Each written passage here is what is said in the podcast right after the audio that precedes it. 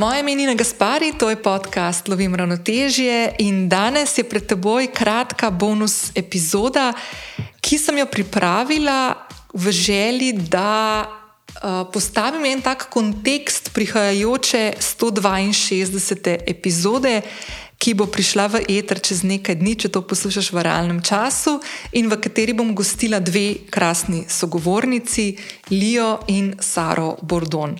Lijo ste sicer lahko spoznali nedolgo nazaj v 160. epizodi tega podcasta, ki je nastala v centru Ljubljane, ko smo se v sklopu projekta Miza za vsakogar pogovarjali o izzivih različnih družbenih skupin pri vključevanju v javno življenje.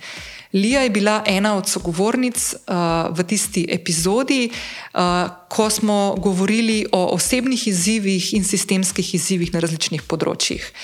Uh, v 162. epizodi bom gostila Lijo in Saro uh, in pogovarjali se bomo o njunem odnosu, o tem, kako se je spremenil skozi čas, uh, kako se je spremenil zadnji dve leti, odkar je Lija svojo zgodbo uh, o tem, da se je rodila kot ženska, ujeta v moškem telesu, zaupala tudi svoji ženi Sari.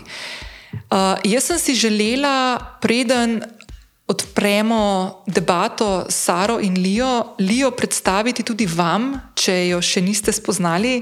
Zato je del pogovora, ki ga boste danes slišali, oziroma Lijino ubesedovanje njene življenjske zgodbe.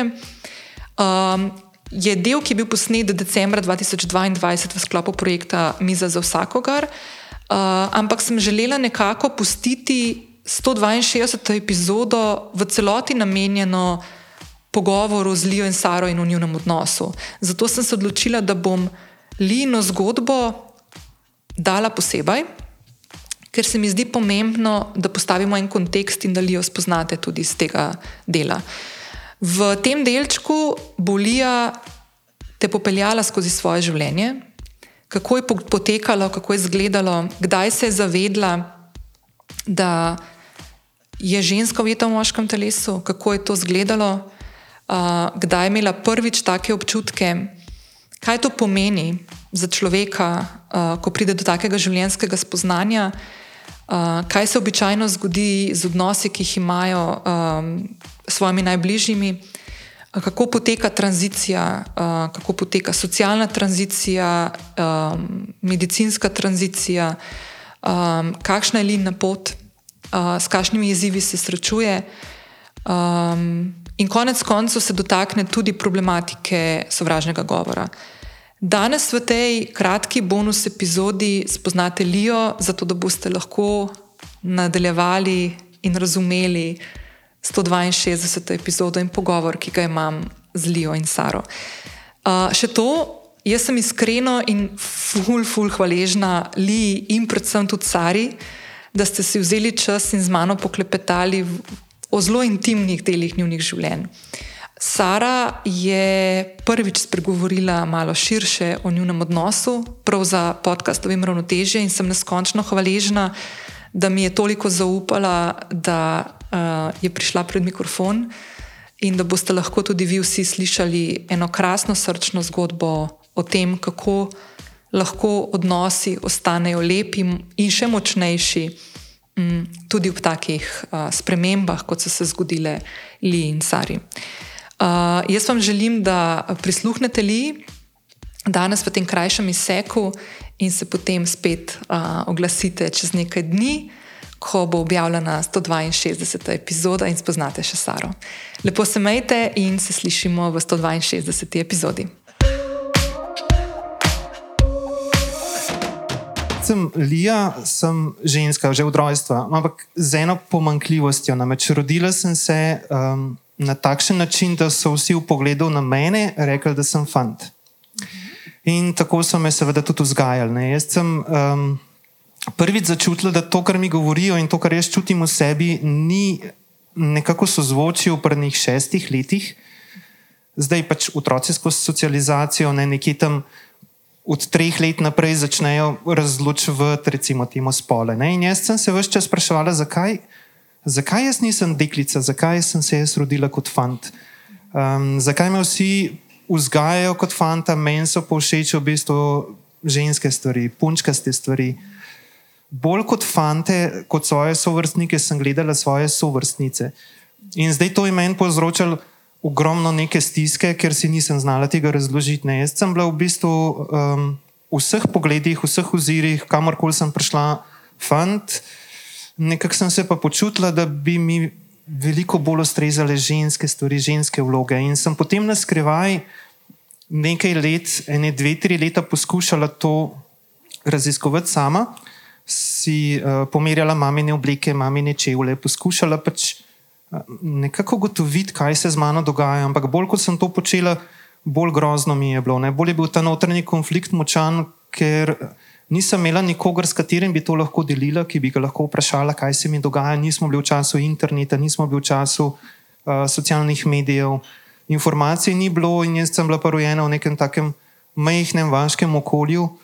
V eni res tradicionalni družini, in zadnji, s katerimi sem se to lahko pogovarjala, so bili v bistvu moji starši. Tako da jaz se nisem imela s kom in edini smiselen obrambni mehanizem, ki sem si ga uspela pač sestaviti skupaj, je bil ta, da sem vse skupaj potlačila.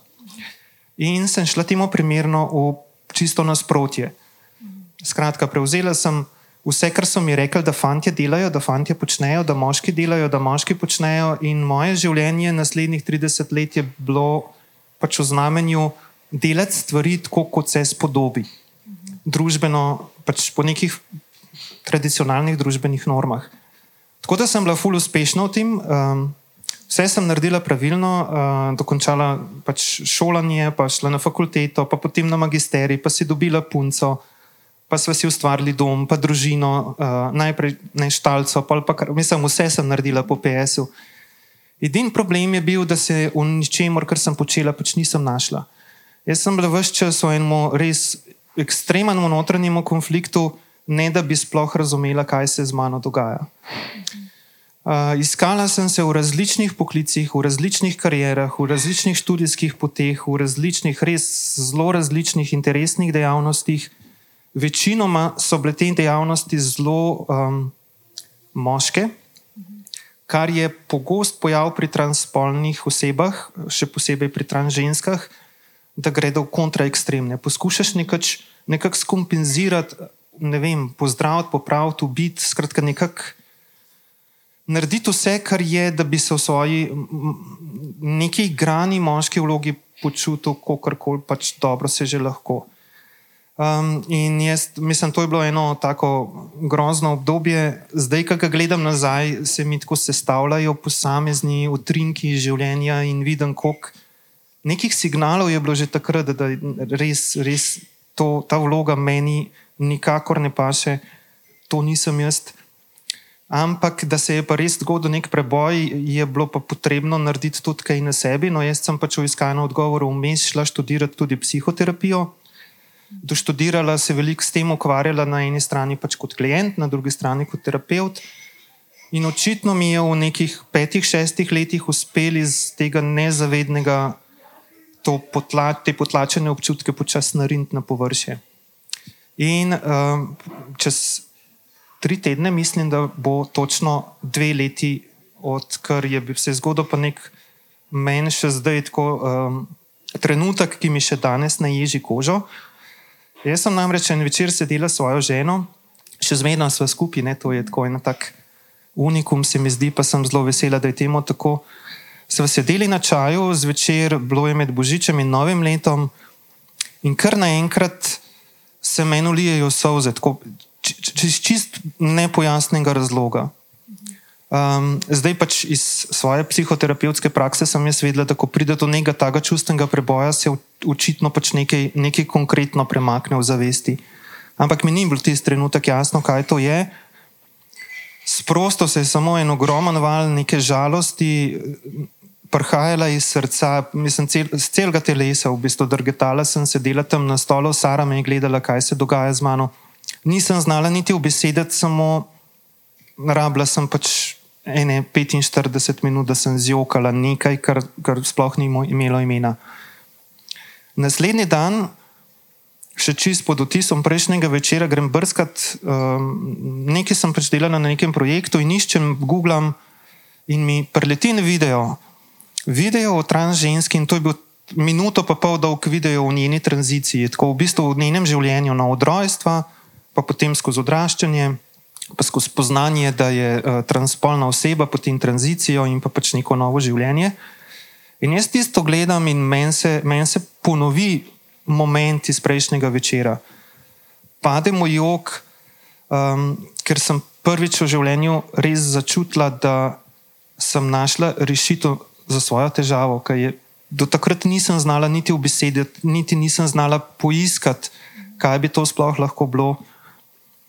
In to je bil en tako odrešilen moment, zgrudila sem se v tisti naslonjač, ki sem ga imela v pisarni.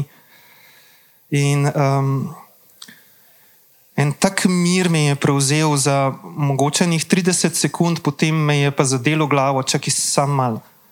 42 let imaš uh, družino, otroke, kariero, um, prijatelje. Mislim, kako, kako kaj, kaj zdaj s tem narediti, ne? kako, zdaj, kako se sploh lotiti. Je, je to sploh normalno ali ni normalno? Ne? Je šlo iz nekega momenta popolnega ulajšanja v moment po, absolutne groze, res čist popolne groze. Um, in nisem vedela, kaj naj naredim, res ne. Zaprla sem se gor v sobo, šla sem kontemplirati, pa meditirati za tri ure. Bolj, kar sem razmišljala, bolj, bolj mi je bil občutek grozen. Uh, med prazniki je bilo, nikogar nisem mogla dobiti, um, svojega terapeuta sem klicala.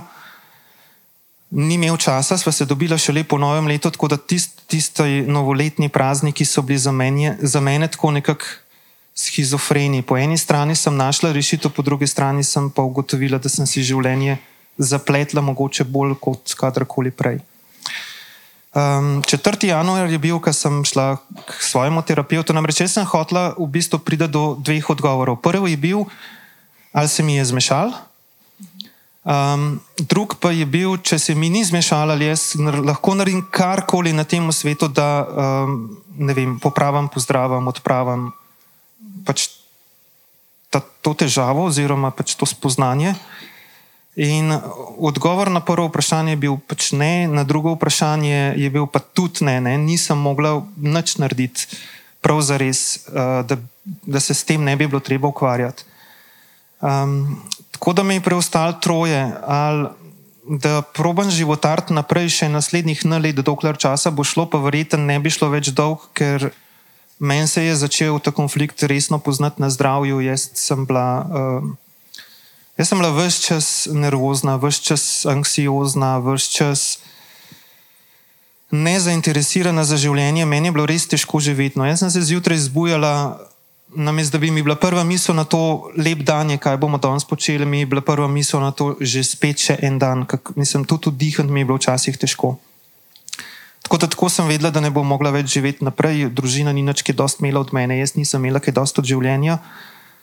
Tako da sta bile samo še dve opcije. Ali da si vzamem življenje in o tem sem velikrat zelo, zelo resno premišljala, bila parkrat uh, dobesedno na, na čist na nitki, ker je bilo tako težko v bistvu vse skupaj potem tudi skozi tranzicijo speljati, pa se soočati z razno raznimi izzivi, na katere v narekovanjih normalni človek nikoli niti ne pomisli, kaj šele da trči v njih. Um, pa mi je uspelo no, nekako vedno ven zlesti iz, iz te groze, iz te morbidnosti, uh, iz te ideje. Tako da tretja opcija je pa bila, da pač se soočam s tem, kar mi je življenje prineslo in probam iti čez in preživeti, vsaj na tak način, da mi ostane, recimo, kakšen košček od te sestavljanke, ki sem jo 42 let sestavljala, mukoma skupaj. Tako da, pol, ko sem prišla domov, ne se Sara je pač vedela, da se z mano nekaj dogaja. Jaz sem jo samo prosila, da dokler časa sama presepne razčistim, če lahko pač tok počaka, da ne vrta vame. In je bilo tudi za njo zelo težko. Um, pol tisti večer, ko sem se vrnila z psihoterapije domov, sva se usedli na kavč. Jaz sem rabila, po mojem, pol ure, sigurno, da, da sem sploh govor, ki sem ga trenirala iz Sežane, v Sežano sem šla, ker pač to je bil edini način, da, da hitro pridem do terapeuta. Sežane do doma je približno eno uro, pa pol vožnje. Za naložb sem vozila počasi, da imam več časa, trenirala sem govor celo pot, tako enih stokrat sem šla čez, pa sem rabila pol ure, ker enostavno sploh nisem mogla izustati, kaj se, kaj se mi dogaja, do česa sem prišla ker je bilo meni na nek način nepojmljivo. Ne? Kako, razumeš, 42 let živiš neko življenje, potem pride nek preblisk, um, ki ti v resnici res reši vse težave in hkrati zakomplicira življenje do čiste popolnosti. In kako zdaj to ljudem razložiti? Um, tudi tistim, ki jih imaš najrajše, včasih je tam še največje tveganje. Ne? Mi dve smo se pač poročili kot heteroseksualni par, kot moški in ženska, nihče od njaju nikoli ni razmišljal, da bi šli v, v isto spolno zvezo, um, nasprotni spol, nam je bil vedno privlačen. In um, to je kar težko, ne? zdaj pa človeku poveš, ja, jaz sem v resnici ženska, že odnegdaj, ampak bila sem zadnjih 35 let v enem globokem zanikanju. Tveganje, da te človek postavi na cesto in da ne razume, je, je ogromno. Ne? 80% transpolnih oseb ima ful velike težave, večina jih izgubi v življenju vse. Uh, mene je bilo tega v bistvu najbolj strah, kaj mi bo sploh še ostalo, ampak na srečo Uh, medve so vse čas, pač že, medve so skupaj 23 let. Vaš, pač, če si 23 let skupaj in če češ imeti nek funkcionalni odnos, potem je pač treba na odnosu delati. Oziroma, treba ti delati na sebi in potem usporedno pač delaš tudi na odnosu. In to se je poznalo. Jaz sem dobila od care tisto prvo zagotovilo, da sicer ne ve, kako se bo vse to skupaj išlo, ampak mi pa lahko obljubi, da bo pač našla, da bo skupaj našla neko rešitev. In meni je bilo to tisti trenutek v bistvu za dost. Ehm, pol sem šla pa seveda počasi v razkrivanje tudi ostalim in to je bilo prvič desetkrat, je bilo to tako mučno, da pred vsakim sem imela ogromno krizo. Um, ta, ta samomor, misel na samomor, je, to, je bilo, to je bil kar en fil ruš, ki se je vlekel vsaj eno leto, pa polno. Če sem čisto iskren, še zdaj pridejo momenti, zdaj pa se soočam z drugimi izzivi, ampak tudi niso prijetni, ne sovražni govor in podobne stvari me ravno tako potrejo. Ampak takrat je bilo pa pač treba rešiti uh, najprej pač življenje, postaviti na svoje mesto. Tako da drug, naslednja dva sta bila otroka, te dva sta me v bistvu čisto sezula, ker um, nisem, nisem, Saro je bilo ful strah, jaz sem nekako čutila, da bo vse ok, njo je skrbel, kako se bo išlo, pa smo se odlašali in poskušali pač to uh, res dobro zorganizirati, kot smo si pač znali predstavljati, da bo um, potrebno imeti pripravljenega psihologa. Um, se veliko prej pogovarjali, zato da smo prišli pač do nekega modusa, na kakšen način otrokom to zdaj predstaviti. Um, in smo izbrali prvo majske počitnice pred letom in pol. Um, ampak to je, bil v bistvu, to je bilo v bistvu najlažje razkritje od čisto vseh, kar sem jih jaz naredila. Ta male dva ki sta pač slišala, pa zvedla, sta padla v soze in jaz sem jim pustila tako nekaj deset minut, um, sem bila čist tiho in pa sem vprašala, zakaj je v bistvu jokata. Pa sta rekla, sploh ne zaradi tega, ker si ti transpolna oseba, ampak malo jo skrbi, ker imamo toliko lepih spominov, da jih zdaj ne bo več. In pa smo se pogovorili, smo se res vzeli čas, eh, ugotovili, da pač spomine ustvarjamo sproti, ne vse smo jih une tudi prej, tako da lahko ustvarjamo nove. In um, na koncu me je, me je starejši Žan-Filip, pa res, res me je sezul z izjavo in rekel: Glej, sej, sploh, jaz sploh ne vidim nobenega problema tukaj. Ne? Celo življenje ste naj učili, da pač moramo znati sprejeti drugačnost.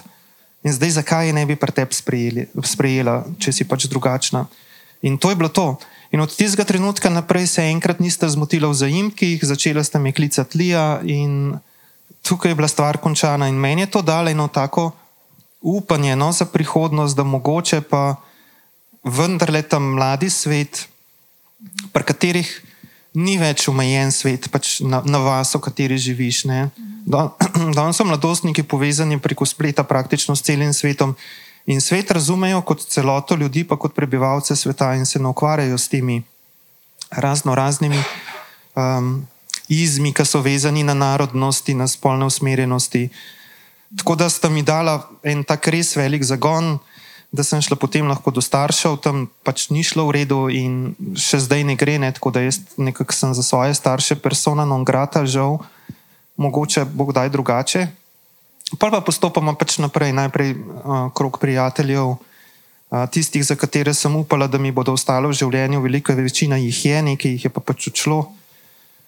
Pol je bilo pa, da skrajšam zgodbo, tisto generalno razkritje, ko sem pač vedela, da na eni točki bom mogla povedati čim širšemu krogu ljudi, ker me je začelo razkrivanje samo, pač vsakeč znova iti skozi isto zgodbo, odgovarjati na iste vprašanja, eh, se ukvarjati z istimi strahovi pri ljudeh.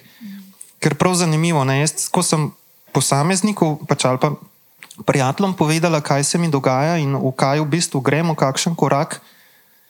Večina so imeli težave, sploh ne zaradi novice same, ampak zaradi nekih predsotkov, pa nekih njihovih lastnih notranjih dinamik, ki so se pač oklopile neke stvari jim, ali iz otroštva, ali iz vzgoje. In nekateri so res imeli kar težavo no, se soočati s to novico, pa ne zaradi mene, ampak zaradi njih samih. Ker ko tako novico slišiš od nekoga, s katerim živiš neko kar dolgo obdobje, na nek način ti seveda tudi tebi poruši vse definicije, ne? tudi tebi padejo vse predstave, tudi tebi padejo vse referenčen okvir sveta, v katerega so te vzgajali, ker kar naenkrat imaš težavo tega človeka na novo umestiti. Ne? Nekoga si izgubil, nekoga novega si dobil, ampak vmes ni bilo ne smrti, ne rojstva, samo ena sprememba, ki je v bistvu zrušil vse. No, in po tistem generalnem razkritju, potem na uh, Facebooku, pa na Twitterju, se je sprožil pa pač nek plas, ki ga jaz niti nisem načrtovala, niti pričakovala, niti si ga prav zares niti ne želela. Um, začeli so se obračati na mene mediji, um, prosili, če sem pripravljena deliti to zgodbo. In zdaj sem nekako vedela, da zaradi vseh svojih prejšnjih karier, življenja, ki je bilo zelo upeto v pač neko družbeno dogajanje, vse, vse različne pač sfere družbe, da se skrit ne morem. Ne? Nisem iz Los Angelesa in ne morem se preseliti v New York, si začeti življenje čisto novo, iz čiste anonimnosti. Tako da sem pol sprejela odločitev, sem rekla, ok. Zdaj, če že grem skozi to izkušnjo in če se itak ne morem skriti, ne se ne morem kar zginiti, um, je čisto vseeno, če pač začnem zgodbo deliti javno, potem mogoče o tem govoriti, če mi bo uspel na glas in poskušati ta naš svet, to našo slovensko dosta rigidno dušo, ne, mogoče malo mehčati, da bi bilo takšni, kot sem jaz, lažje. Ne? Ker problemov imamo cel kup izzivov za transpolne osebe, je cel kup. Uh, tranzicija sama je izjemno zahtevna, ni enostavna, greš skozi nek proces medicinske na eni strani, socialne na drugi strani, pa pa še tiste formalne tranzicije nekje vmes. Uh, In že medicinska je izjemno zahtevna, socialna pa v bistvu še toliko boljša. Zdaj svetu se predstaviti in upati na to, um, da te ne zavrže, je povezan s kupico nekih strahotnih um, trenutkov. In ravno ni še 14 dni nazaj, ko si je 16-letna transpunca uh, preprosto vzela življenje, ker tega bremena ni bila um, zmožna v bistvu sama predelati, kljub temu, da je imela pač podporo v družini. A, to v Sloveniji, ne? V Sloveniji, ja. ja.